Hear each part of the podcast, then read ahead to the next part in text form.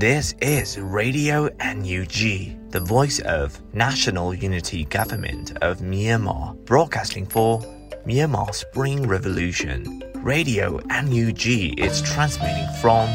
shortwave 16 meter 17.79 megahertz at 8:30 a.m. and 25 meter 11.94 megahertz at 8:30 p.m. Myanmar Standard Time. မင်္ဂလာပါခင်ဗျာ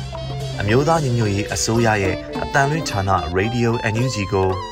မနက်ပိုင်း၈နာရီခွဲမှာလိုင်းတို16မီတာစက္ကန့်တက်သမ9 MHz ညပိုင်း၈နာရီခွဲမှာလိုင်းတို25မီတာ17တက်သမ6 MHz တို့မှာဓာတ်ရိုက်ဖမ်းယူနိုင်နိုင်ပါပြီမင်္ဂလာအပေါင်းနဲ့ပြည့်စုံကြပါစေအခုချိန်ကစပြီး Radio NUG အစီအစဉ်တွေကိုဓာတ်ရိုက်အတန်မြင့်ပေးနေပါပြီ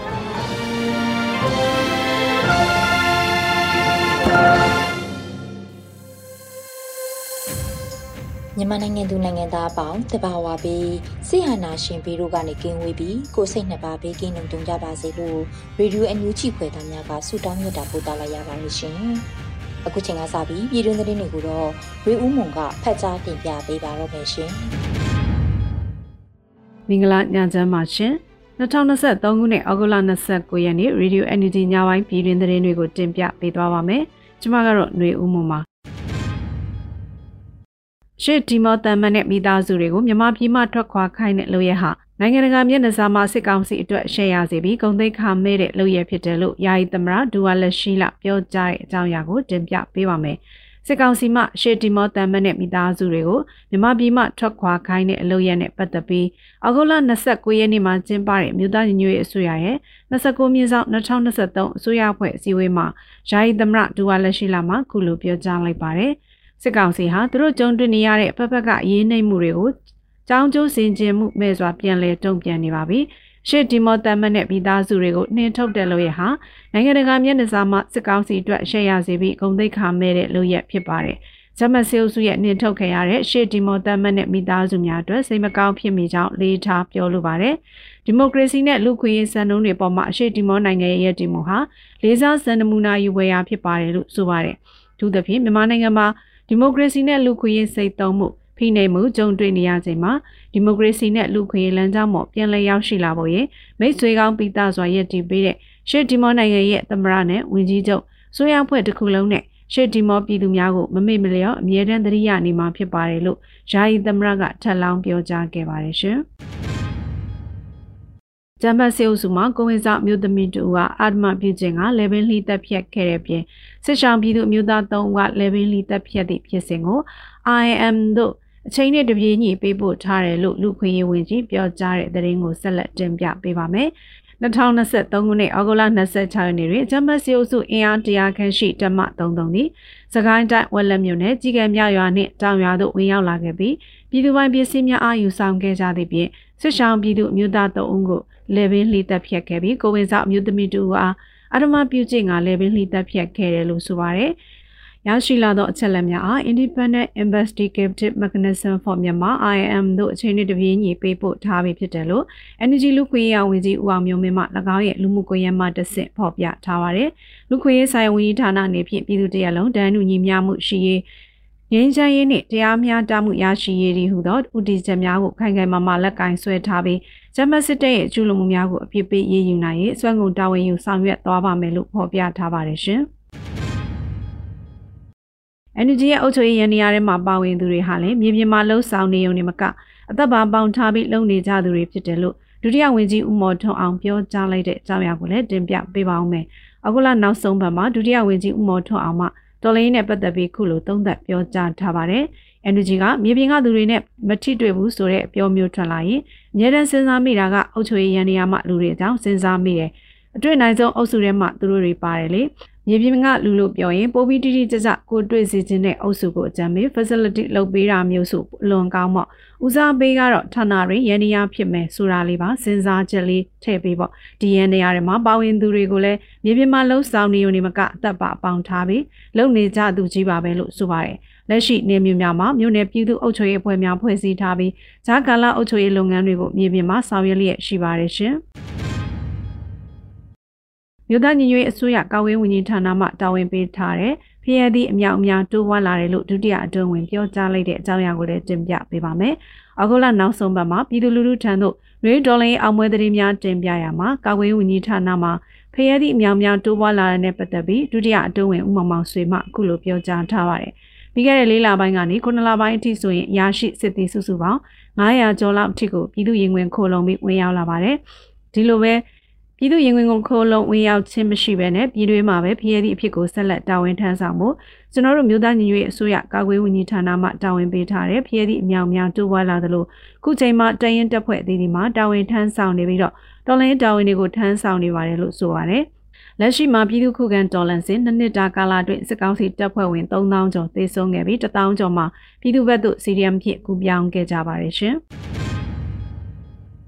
PRF 2.0အစီအစဉ်တရမိမိထောက်ပို့လိုတဲ့ PDF တရင်တပ်ဖွဲ့နဲ့တိုင်းဒေသကြီးကိုရွေးချယ်နိုင်မှာဖြစ်ပြီးတော့ရရှိငွေနဲ့သုံးချိန်များကိုအသိပေးကြေညာမယ်ဆိုတဲ့သတင်းကိုဆက်လက်တင်ပြပေးပါမယ်။ PRF 2.0သတင်းစာရှင်းလင်းပွဲမှာကာကွယ်ဝင်ကြီးဌာနစီမံဘဏ္ဍာမှညွှန်ကြားရေးမှူးချုပ်ဦးကျော်ကြားမှ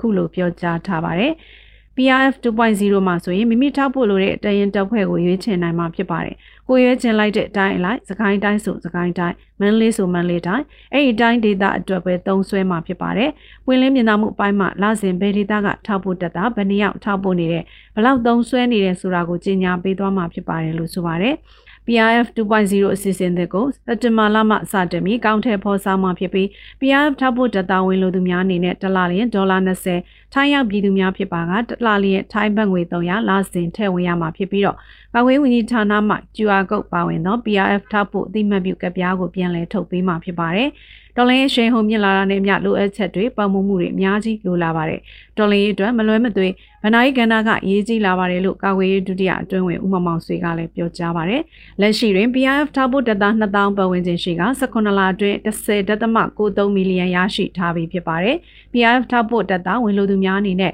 PRF Facebook စာမျက်နှာသို့တိုက်ရိုက်ဆက်သွယ်မြင်းမြန်းကဝင်ရောက်နိုင်မှာပဲဖြစ်ပါတယ်ရှင် မြန်မာဖက်ဒရယ်ဒီမိုကရေစီအောင်နိုင်ရေးဖွဲ့ပေါင်းချုပ် MFDNC ထောက်ဖို့တပ်သားများမှဇွန်လအတွင်းမြေပြင်တရင်တပ်ဖွဲ့များထံသို့ကျပ်သိန်း2000ကျော်ထောက်ပို့ပေးနိုင်ခဲ့တဲ့ဆိုတဲ့သတင်းကိုတင်ပြပေးပါအောင်မယ်။အောက်တိုဘာ29ရက်မှာမြန်မာဖက်ဒရယ်ဒီမိုကရေစီအောင်နိုင်ရေးဖွဲ့ပေါင်းချုပ် MFDNC မှအခုလိုတည်ပေးဆိုထားပါတယ်။မြန်မာဖက်ဒရယ်ဒီမိုကရေစီအောင်နိုင်ရေးဖွဲ့ပေါင်းချုပ် MFDMC ထောက်ပို့တပ်သားများ၏2023ခုနှစ်6လပိုင်းတွင်မြို့သားညီညွတ်ရေးအစိုးရကာကွယ်ရေးဝန်ကြီးဌာန၏လမ်းညွှန်မှုဖြင့် မြန်မာကျပ်ငွေသိန်း2034သိန်း2512ကျပ်တီတီကိုမြေပြင်တရင်တပ်ဖွဲ့များထံသို့တိုက်ရိုက်ပို့ဆောင်ပေးခဲ့ပါတယ်လို့ဆိုပါရယ် MFDNC မူဝါဒအတိုင်းကာကွယ်ဝန်ကြီးဌာနလမ်းညွှန်ချက်ဖြင့်မြေပြင်သို့တိုက်ရိုက်မြန်ဆန်တိကျစွာပေးပို့ဆောင်ရွက်ခဲ့ပြီးထရောက်သောထောက်ပံ့မှုများကိုဆက်လက်ဆောင်ရွက်ပို့ဆောင်လျက်ရှိတယ်လို့ဆိုပါရရှင်။ခုတင်ပြခဲ့တဲ့သတင်းတွေကို Radio Energy သတင်းတောက်မင်းတီဟန်ကပေးပို့ထားတာဖြစ်ပါတယ်ရှင်။ တုပ်ကွေးယောဂကာကွယ်ပါရာသီတုပ်ကွေး respiratory syncytial virus RSV တုပ်ကွေးအပါအဝင်တုပ်ကွေးယောဂ virus ပိုးများကူးစက်ခြင်းမှကာကွယ်နိုင်ရန်ဖော်ပြပါအချက်များကိုလိုက်နာပါ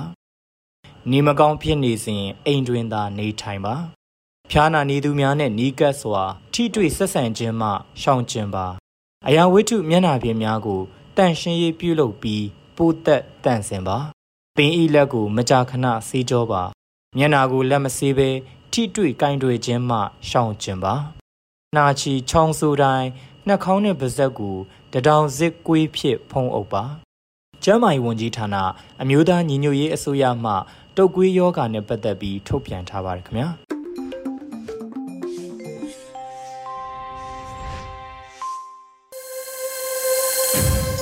ဗီဒီယိုညူးချီရဲ့ညပိုင်းအစီအစဉ်တွေကိုဆက်လက်တင်ပြနေပါတယ်။အခုဆက်လက်ပြီးနားဆင်ကြရမှာကတော့တော်လှန်ရေးကြပြအနေနဲ့မောင်ဆွမ်းရည်ရေးသားပြီးနှွေဦးမိုးရွတ်ဖက်ထားတဲ့ဥအောင်ဆန်းရဲ့နမိတ်စကားလို့အမည်ရတဲ့တော်လှန်ရေးကြပြကိုနားဆင်ကြရတော့မှာဖြစ်ပါတယ်ရှင်။ဦးအောင်ဆန်းရဲ့နမိတ်စကားကြားဘူးတော်ရှိ မကြားဘူးတော်ရှိ သိအောင်တော့ပြောရအောင်မယ်နှမတွေများတော့ရောက်ဖတွေများမယ်ဒါကတဘာဝတရားငါစကားပါရောက်ဖတွေကောင်းရင်တော်ရဲ့မကောင်းလို့ချိန်ဆဲနှမလည်းထိအောင်မယ်တပုံတွေများတော့လေစစ်သားတွေများမယ်ဒါလည်းတဘာဝတရားငါစကားပါပဲစစ်သားတွေပူတော့စစ်ဘိုလ်တွေဖောင်းပွမကောင်းလာဘူးပေါ့အောင်ဆန်းလိုစစ်ဘိုလ်ဆိုတော်လေရဲ့နေဝင်းလိုဆိုရင် လူမျိုးပါနာမယ်ကျုံးပင်တွေများရင်လဲရပ်ဖတွေများတတ်တယ်ကျုံးကြောက်ကြုံဖြစ်မယ်ကြုံဖူးတယ်ဟုတ်ကြောက်မြက်ယရနာများတော့လဲရောက်ဖတွေများတတ်တယ်ကြောက်ကြောက်ကြုံဖြစ်ပုံကြုံဘူးတယ်ဟုတ်ကြောက်မြန်းဆိုတာမျိုးဟာကန်ဆိုးတဲ့အခါခိုက်တက်ပါတဲ့ကြောက်ဆိုတာကြောက်စရာတစ်မျိုးပဲကြောက်ပေါက်နာစွဲရင်တော့တေရင်လဲတေမတေရင် တင့်မျက်နာကြောက်ပေါက်နာအမာရွတ်နဲ့ဝတ်ခံရမယ်ကြောက်တက်ရင်ဝန်ကင်းတဲ့ကြောက်ရင်လွဲရဲမင်းဖြစ်တဲ့မင်းဖြစ်တာမသေးချာလို့သေတာလည်းရှိတယ်ဗျာတစ်တီတူတောက်တဲ့နဲ့တီကောင်းဆိုတာဗမာမှာပေါ်မှာပေါ်စနေနံ၃မျိုးကိုတို့လူမျိုးမကြိုက်ပေမဲ့တရုတ်တွေကြိုက်တဲ့ကလားကမဝယ်လဲတရုတ်ကဝယ်တဲ့ရေချိုရေငန်းနှစ်နိုင်ငံ မြန်မာတွေပိုင်တဲ့ရေချိုရေငန်းပေါ်ရင်လဲရောက်ဖပေါ်တဲ့တဲတောင်မြစ်ချောင်းကလည်းကောင်းမှကောင်းပေါ်မှပေါ်ရောက်ဖပေါ်မဲ့နမိတ်တဘောတဲနဲ့ရေကိုရွှေလူရောင်းရတဲ့ရောက်ဖလောင်ရှာရင်စစ်ဘူသာရှာပေရောစစ်ဘူတွေရောင်းလို့တဲချောင်းဟာရွှေချောင်းဖြစ်တဲ့မင်းမှလည်းနှမနဲ့ငါမှလည်းနှမနဲ့သူ့မှလည်းနှမနဲ့ ရောက်ဖကိုရောင်းလို့မရပေမဲ့ရောက်ဖကစစ်ဘူဆိုရင်နှမကိုရောင်းရောင်းအမကိုရောင်းရောင်းရောင်းတိုင်းရလို့ရတိုင်းရောင်းတဲ့ရောင်းရမှာတွန့်တော်ရင်ငားလိုကငားနိုင်ငံခြားဈေးကွက်မှာမြန်မာမတွေဈေးရတဲ့တို့အစိုးရရဲ့ဗမာထွက်ကုန်ဂုံယူစရာတပါးစပားနဲ့မချားပဒံများနဲ့လည်းမချားနွားနဲ့လည်းမချားဘူးပေါ့ဥအောင်ဆန်းရဲ့ရွှေပါဇက်နမိတ်ဖတ်ခဲ့ပါတော့ကော နောက်အခါနှစ်ပေါင်း20ကြာရင်ဗမာနိုင်ငံဟာဘာနိုင်ငံဖြစ်မတဲ့လေခုအခါနှစ်ပေါင်း20ကြာတာနှစ်ခါမကသုံးခါတောင်ကြပေါ့တို့ကောင်းဆောင်ကြီးပြောခဲ့တာဒီတခါလွဲပေါ်လို့ပြောရဲရင်ပြောရပေါ့မင်းမိုးကြိုးပြစ်မယ်ဘာဖြစ်ကုန်ပြီလဲဖာဖြစ်ကုန်ပြီပဲမောင်စွမ်းရည်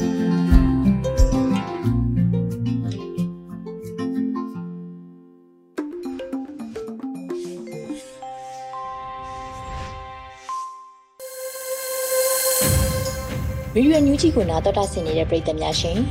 အခုဆက်လက်ပြီးနားဆင်ကြရမှာကတော့မြမနွေဦးခရိုနီကယ်ဩဂုတ်28မြင်ကွင်းဖြစ်တဲ့လမ်းစာရှာမတွေ့နိုင်သေးတဲ့ရိုဟင်ဂျာအရေးလူအမည်ရတဲ့မိုးမခဆောင်းပါးကိုတော့နွေဦးဖြီဖြီကဖတ်ကြားတင်ပြပေးပါတော့မယ်ရှင်လန်းစာရှာမတွေ့နိုင်သေးတဲ့ရိုဟင်ဂျာအရေးလို့အမည်ရတဲ့မြန်မာနွေခရိုနီကယ်ဩဂုတ်လ28ရက်မြင်ကွင်းမိုးမခဆောင်းပါးကိုဖတ်ကြားတင်ပြပေးပါမယ်ရှင်။ ဒုက္ခတွေတန်းကျော်အိန္ဒိချင်းနိုင်ငံမှာနေထိုင်နေကြရတာ6နှစ်ပြည့်လာပြီဖြစ်တဲ့ရိုဟင်ဂျာအရေးကိစ္စကလမ်းစာရှာမတွေ့နိုင်သေးတဲ့ဒေသတွင်းမှာသာမကနိုင်ငံတကာအထိပါတက်ရောက်မှုရှိတဲ့ဒုက္ခတွေပြဿနာကြီးတစ်ရပ်ဖြစ်လာနေပါတယ်။တောင်ကနန်သိန်းကနန်လောက်တာရှိတဲ့ဒုက္ခတွေပြဿနာမဟုတ်ဘဲလူဦးရေတန်ကနန်ရှိတဲ့ဒုက္ခတွေ6နှစ်ကြာတဲ့အထိအိန္ဒိချင်းဘင်္ဂလားဒေ့ရှ်နိုင်ငံမှာကျင်းကျက်တဲ့နေရာမှာလူသက်တမ်းလောက်ပြုတ်သိမ့်နေထိုင်ကြရတာအလုတ်လောက်ကင်ခွင့်မရှိ ကလေးတငယ်ပုံမှန်ပညာသင်ကြားခွင့်မရှိဘယ်ချိန်ဘယ်အခါမှမူလနေထိုင်ရာနေရာကိုပြန်ခွင့်ရမလဲဆိုတာမသိရှိကြရတဲ့အနေအထားမှာနေထိုင်ကြရင်းနဲ့စားနပ်ရိက္ခာအကူအညီကိုသာမျှော်လင့်စားတော့အသက်ရှင်နေကြရတဲ့အနေအထားကလူသားတွေရဲ့ဂုဏ်သိက္ခာဆိုင်ရာအထိထိခိုက်မှုကြီးကြီးမားမားရှိနေတဲ့အခြေအနေလို့ဆိုရမှာဖြစ်ပါတယ်။မြန်မာနိုင်ငံအတွင်းမှာလည်းမိမိရဲ့ရွာမှာတိမ်းရှောင်ပြီးစစ်ဘေးရှောင်ဘဝနဲ့ ဆယ်စုနှစ်တခုကျော်နေထိုင်ရတဲ့သူတွေအိန္ဒိချင်းနိုင်ငံကဖွင့်ထားပေးတဲ့နေဆက်ဒုက္ခသည်စခန်းမှာဆယ်စုနှစ်ကျော်လွန်တဲ့အထိနေထိုင်ရတဲ့သူတွေရှိနေပြီးဖြစ်ပါတယ်။1990နှောင်းပိုင်းကစလို့ကရင်ပြည်နယ်ကစစ်ဘေးရှောင်ဒုက္ခသည်တင်ကနန်းကထိုင်းနိုင်ငံဘက်အချမ်းနေဆက်မှာဒုက္ခသည်စခန်းတွေပေါ်ထွက်လာပြီးတဲ့နောက်အခုချိန်ထိစစ်ဘေးရှောင်တွေကြန့်ရှိနေသေးတယ်လို့ကချင်ပြည်နယ်မှာလည်း2011ခုနှစ်မြစ်ဆုံအနီး KIA နဲ့စစ်တပ်အကြားပစ်ခတ်မှုကနေပြန်လည်တိုက်ပွဲဖြစ်ပွားရာကစစ်ဘေးရှောင်တွေထောင်တောင်းကနန်းကချင်ပြည်နယ်နဲ့ရှမ်းပြည်နယ်မြောက်ပိုင်းတို့မှာနေထိုင်ကြရတဲ့အဖြစ်အပျက်တွေလည်းဖြစ်ပွားနေစေဖြစ်ပါတယ်။ရှမ်းမြောက်ကုတ်ခိုင်နန့်ခမ်းတို့လိုဒေသတွေမှာကချင်ပြည်နယ်ကစစ်ဘေးရှောင်တွေနှစ်နဲ့ချီကြာမြင့်စွာနေထိုင်နေကြရပါတယ်။ကရင်ပြည်နယ်ကစစ်ဘေးရှောင်ဒုက္ခသည်တွေထိုင်းမြန်မာနယ်စပ်မဲလအုံဖြန်တို့မှာနှစ်ပေါင်း20ကျော်ကြာလာသည့်အထိကြန့်ရှိနေစေဖြစ်ပါတယ်။ ရိုဟင်ဂျာဒုက္ခသည်အရေးကအထက်ကစစ်ဘေးရှောင်ဒုက္ခသည်တွေနဲ့တူညီတဲ့လက္ခဏာအခြေအနေတွေရှိသလိုပဲကွဲပြားတဲ့လက္ခဏာတွေလည်းရှိနေတာကိုတွေ့ရမှာဖြစ်ပါတယ်။ရခိုင်ပြည်နယ်က၎င်းတို့နေထိုင်ခဲ့တဲ့ကြေးရွာအများအပြားကိုလူမနေတော့တဲ့နေရာများဖြစ်အောင်စစ်တပ်ကဖျက်ဆီးခဲ့တယ်လို့အကယ်၍ပြန်လာခွင့်ရှိတဲ့အခါမှာငကိုဒေတာကြေးရွာတွေမှာပြန်နေထိုင်ခွင့်ရှိမရှိရှင်းရှင်းလင်းလင်းမရှိတဲ့အနေအထားလည်းဖြစ်ပါတယ်။ကချင်ပြည်နယ်ရှမ်းပြည်နယ်မြောက်ပိုင်းနဲ့ကရင်ပြည်နယ်တို့ကစစ်ဘေးရှောင်ဒုက္ခသည်တွေအနေနဲ့ အကယ်၍သာတိုက်ပွဲဖြစ်ပွားမှုမရှိခဲ့ရင်မိမိတို့နေထိုင်ခဲ့တဲ့ကြေးရွာကိုပြန်ကနေထိုင်နိုင်မဲ့မျှော်လင့်ချက်ရှိပေမဲ့လည်းရိုဟင်ဂျာတွေအနေနဲ့ကတော့၎င်းတို့နေထိုင်ခဲ့တဲ့ကြေးရွာတွေမှာနေထိုင်ခွင့်ရမရမသေးကြတဲ့အနေအထားဖြစ်ပါတယ်။ရိုဟင်ဂျာများကိုလူမျိုးတုံးတပ်ဖြတ်မှုဖြစ်ပွားပြီးနောက်အိန္ဒိချင်းဘင်္ဂလားဒေ့ရှ်နိုင်ငံကလက်ခံထားပေးခဲ့ခြင်းကြောင့်အိန္ဒိချင်းနိုင်ငံအနေနဲ့နိုင်ငံရေးရကြီးမွမ်းခံရအမှတ်ရစရာဖြစ်တော်လဲအခုလို၄၅6နှစ်ကြာရှည်လာတဲ့အခါမှာဒုက္ခတဲ့အရေးဟာ အိန္ဒိချင်းနိုင်ငံအဖို့ဝင်တော့ဝင်ဖို့တခုဖြစ်လာနေပြီဖြစ်ပါတယ်။ဒါကြောင့်ရိုဟင်ဂျာဒုက္ခသည်များနေရပြန်ရေးအတွက်ဘင်္ဂလားဒေ့ရှ်နိုင်ငံကိုယ်စားလှယ်အဖွဲ့ကမြန်မာနိုင်ငံဘက်ကအခြေအနေကိုလာရောက်ကြည့်ရှုမယ်လို့သတင်းတွေမှာဖော်ပြထားကြပါတယ်။ဒီမတိုင်ခင်ဒုက္ခသည်များဘက်ကကိုယ်စားလှယ်အချို့မြန်မာနိုင်ငံဘက်လာရောက်ကြည့်ရှုခဲ့တယ်လို့ပဲမြန်မာနိုင်ငံဘက်ကရခိုင်ပြည်နယ်အဆင့်အစိုးရဌာနကတာဝန်ရှိသူတွေလည်းဘင်္ဂလားဒေ့ရှ်နိုင်ငံဘက်သွားရောက်ပြီးဒုက္ခသည်တွေကိုတွေ့ဆုံခဲ့ပါတယ်။ မြန်မာနိုင်ငံမှာဒီမိုကရေစီနည်းရရွေးကောက်တင်မြှောက်တဲ့အစိုးရတက်လာတဲ့အထိလက်ရှိနိုင်ငံရေးပြဿနာတွေအပြည့်အထွက်ရလကောင်းထွက်တဲ့အထိစောင့်ဆိုင်ပြီးမှ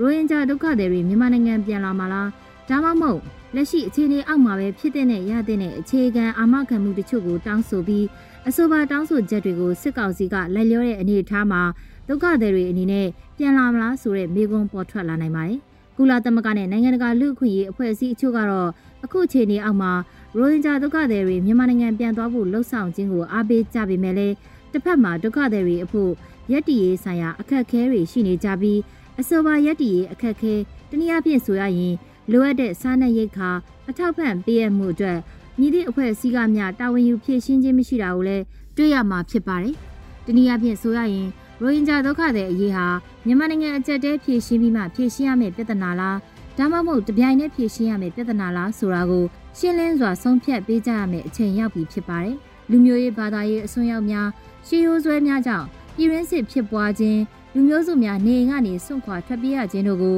ဖြည့်ရှင်းရမှာအဓိကအကြောင်းချက်တစ်ခုကမိမိတို့အစွဲများအုပ်စုစွဲများကိုမစွန့်လွတ်နိုင်ခြင်းအပြောင်းလဲကိုလက်မခံလိုခြင်းတို့ကထိတ်ဆုံးကနေပါဝင်နေပါတယ်။အဆိုပါနိုင်ငံများအခြေအနေများမှရုံထွက်ဖို့ရမှာအဆိုပါနယ်မြေများမှာ စင်ရဲရင်းကလွတ်မြောက်ဖို့အမြန်ဆုံးဆောင်ရွက်ခြင်းဖြစ်ပါတယ်။လူနည်းစုဒုက္ခသည်များစင်ရဲရင်းကလွတ်မြောက်ဖို့ရာအာဏာလက်နက်စုပ်ကင်ထားတဲ့သူများနောက်ဆုတ်အလျှော့ပေးစေရေးအတွက်ဒနရှင်များစီးပွားရေးလုပ်ငန်းရှင်များနဲ့ပညာရှင်များကိုယ်တိုင်ကအဆိုပါအခြေအနေအတိုင်းဝိုင်းတွေကိုအားပေးရင်းနှီးမြှုပ်နှံဖို့ဆုံးဖြတ်လာခြင်းကလည်းအရေးပါတဲ့အခန်းကဏ္ဍဖြစ်ပါတယ်ရှင်။မိုးရသည်တွင်မိုးတဲထန်စွာရွာသွန်းခြင်းနဲ့ရေကြီးခြင်းဆိုင်ရာအရေးပေါ်အသတိပေးချက်တွေ ထုတ်ပြန်ချက်တွေကိုအမြဲစောင့်ကြည့်ပါ။မိုးတွေရွာသွန်းပြီးတဲ့နောက်သွေးလွန်တုပ်ကွေးနဲ့ငှက်ဖျားလိုမျိုးယောဂပိုးမျိုးတွေတည်ဆောင်တဲ့ပိုးမွားကောင်တွေကနေတဆင့်ကူးဆက်တတ်တဲ့ယောဂတွေဖြစ်ပွားနိုင်ခြေကိုပုံမတိုးမြင့်စေနိုင်ပါတယ်။ချင်းပေါက်ဖွားမှုကိုကာကွယ်တားဆီးနိုင်တဲ့နည်းလမ်းတွေပြုလုပ်ပါ။ချင်းနိုင်စေးသုံးပါ။ချက်နှောင်ထောင်ပြီးအိပ်ပါ။အင်ကြီးလက်ရှိနဲ့ဘောင်းမရှိဝစ်စင်ပြီးချင်းမကိုက်အောင်ကာကွယ်ပါ။မိုးတွေရွာသွန်းပြီးတဲ့နောက်အစားအစာနဲ့ရေညင်ညမ်းမှုကြောင့်ဖြစ်တဲ့ယောဂတွေဖြစ်ပွားနိုင်ခြေကိုပုံမတိုးမြင့်စေနိုင်ပါတယ်။ မချက်ပြုတ်မီဒါမှမဟုတ်မစားသုံးမီတစ်သီးတွေနဲ့ဟင်းသီးဟင်းရွက်တွေကိုသေချာစွာဆေးကြောပါလက်ကိုစနစ်တကျပုံမှန်ဆေးကြောပါလမ်းဘေးအစားအစာတွေအထူးသဖြင့်လှိဖြက်ပြီးသားသီးနှံတွေကြောင့်ဖြစ်လာနိုင်တဲ့ယောဂဘေးရဲ့နေရာတွေကိုသတိထားပါနိုးနိုးကြကြရှိပါစေဘေးကင်းပါစေကျမကြီးဝန်ကြီးဌာနအမျိုးသားညီညွတ်ရေးအစိုးရ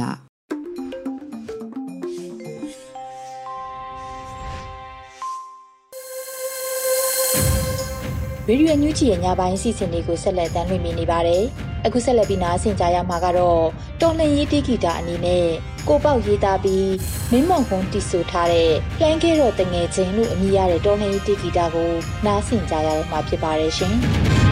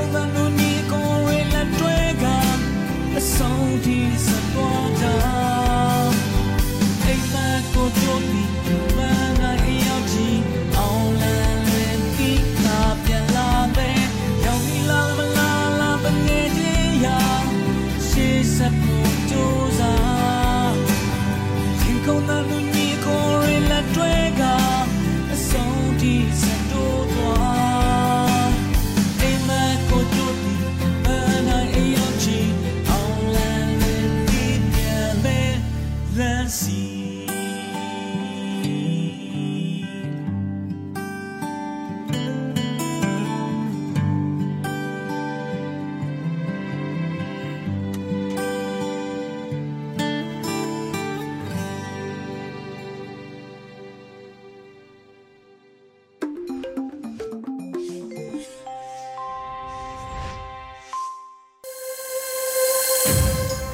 ရေဒီယိုညူချီကိုနာတော်တာဆင်နေတဲ့ပရိသတ်များရှင်အခုနောက်ဆုံးအနေနဲ့တိုင်းရင်းသားဘာသာစကားနဲ့သတင်းထုတ်မှုအစီအစဉ်မှာတော့အနောက်ဘူကရင်ဘာသာဖြစ်တပတ်တွင်းသတင်းတွေကိုနဲ့ရင်နှွေးမိမှဖတ်ကြားတင်ပြပေးပါတော့မယ်ရှင်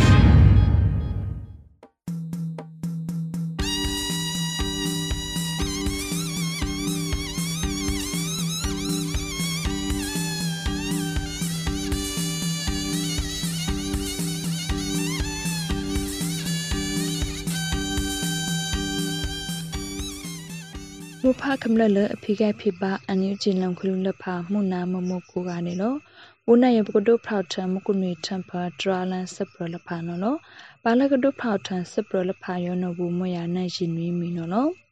စပရအခန့်ထိတ်ကြရနော်စထော့လပကပအောက်ခိုယိုဖက်စစ်တုတ်ခူယောနော်အကြောင်းခက်ကုဒုလဆုလလန့်တုတ်တရာစပရနော်လော ဖက်စစ်တုတ်ရောစူစာလဖာကလန်းမူလန်ဖာကကရဆဝေကြောင့်ဖလောအာမီနော်ပကဒါဘာတတိကကလာနော်နော်စနောကြောင့်စထော့လပကပအောက်ခိုယတုတ်ခူယောနော်ဂိုင်လာအောက်ကနီစင်နွီတန်အန်ယူချီပဒုခခုဒလဆုလလန်နော်စိတ်ချဝေလ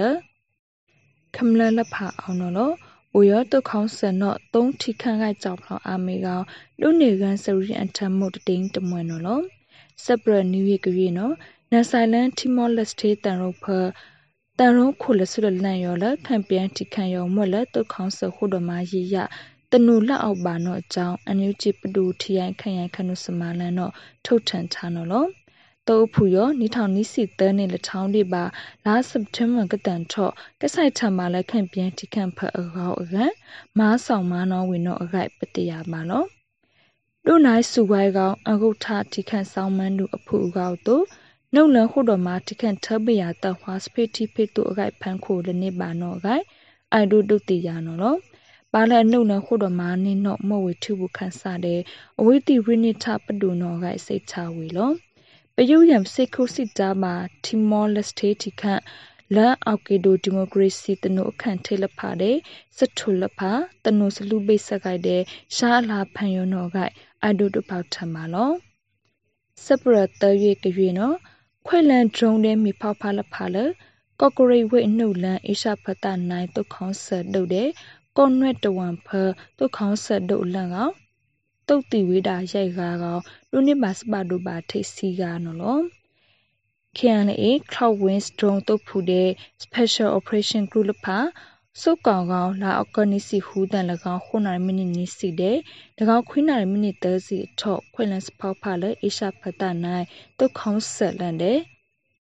ကွန်ရက်တဝန်တုတ်ခေါင်းစနောကလာအော်ဂနီစီနွီတန်ဖာ Cloud Winds နော်တုတ်တရာထတုတ်ကစပရနော်လောဒူဒါတုခေါင်းစနောခါရှုခါရှန်ဆူဝဲဖတ်တို့ဖုဖို့ရိုက်စီနောကြောင့်ပါထိုက်တဝန်ဖုကကားကောင် KNA Cloud Winds SOG စုတ်ကောင်ဂိုင်းစပတ်တို့ပါထိလောက်ပါနောကပတိယမှာလောစပရလခိုင်ထုတ်ပြည့်နော်ပန်စစ်တာပါစုတ်ကောင်ခုတော်မှာလဲတုခေါင်းစနောကြောင့်လုတ်တရာကံပလဝိတ်တောင်ဆောက်ဆောင်ခလိုက်ပမာစဖို့အကဟူးစီရောလေမေကကောင်စရဖနော်လောကံပလဝိတ်တောင်ကမ္လစပိုစပလာအဖူ CDM နန် CDM စန့်စစ်လာဟွာကမီတီတို့စောင်းဆောင်ခိုင်စမာလန်ဖပမာစဖူလဖာယော စုကောင်ခုတော်မှာဆက်လက်တုတ်ခေါင်းဆန်တော့ကြောင့်ဒုတိယပမာစဖူလအမေကကောစရန်တော့ကလာအောက်ကနီစီခိုတန်ဖကံပလက်ဝစ်တောင်ခမရစပွန်စပလာအဖူဖတို့ပေါထန်ချာနော်နော်စုကောင်လက်တုတ်ခေါင်းဆက်ကံပလက်ဝစ်တောင်ပါဆယ်လက်စမားလကလန်မကလန်ဖ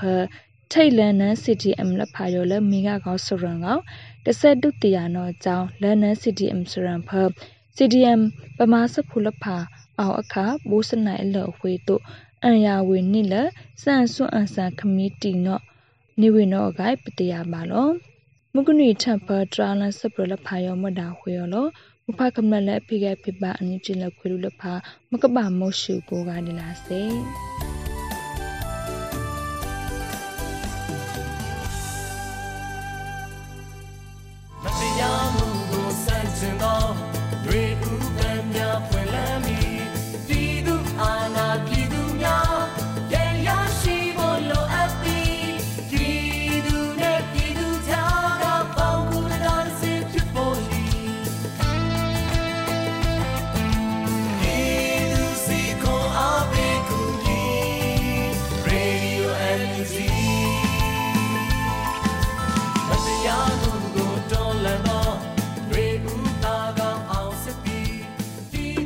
ကနေ့ကတော့ဒီညနေပဲ Radio NUG ရဲ့အစည်းအဝေးကိုခਿੱတရနာလိုက်ပါမယ်မြန်မာစံတော်ချိန်မနက်၈နာရီခွဲနဲ့ည၈နာရီခွဲအချိန်တွေမှာပြန်လည်ဆုံးဖြတ်ကြပါစို့ Radio NUG ကိုမနက်ပိုင်း၈နာရီခွဲမှာလိုင်းဒို16မီတာစက္ကန့်တသမ9 MHz ညပိုင်း၈နာရီခွဲမှာလိုင်းဒို25မီတာ17သမ6 MHz တို့မှာဓာတ်ရိုက်ဖမ်းယူနားဆင်နိုင်ပါပြီမြန်မာနိုင်ငံသူနိုင်ငံသားများကိုစိတ်နှပြကျန်းမာချမ်းသာလို့ဘေးကင်းလုံခြုံကြပါစေလို့ Radio NUG အဖွဲ့သူအဖွဲ့သားများကဆုတောင်းလိုက်ရပါတယ်။အမျိုးသားညီညွတ်ရေးအစိုးရရဲ့စက်သွေးရေးတရင်အချက်အလက်နဲ့ဤပညာဝန်ကြီးဌာနကထုတ်လွှင့်နေတဲ့ Radio NUG ဖြစ်ပါတယ်။ San Francisco Bay Area အခြေစိုက်မြန်မာမိသားစုများနဲ့နိုင်ငံတကာကစေတနာရှင်များလုပ်အားပေးများရဲ့ Radio NUG ဖြစ်ပါတယ်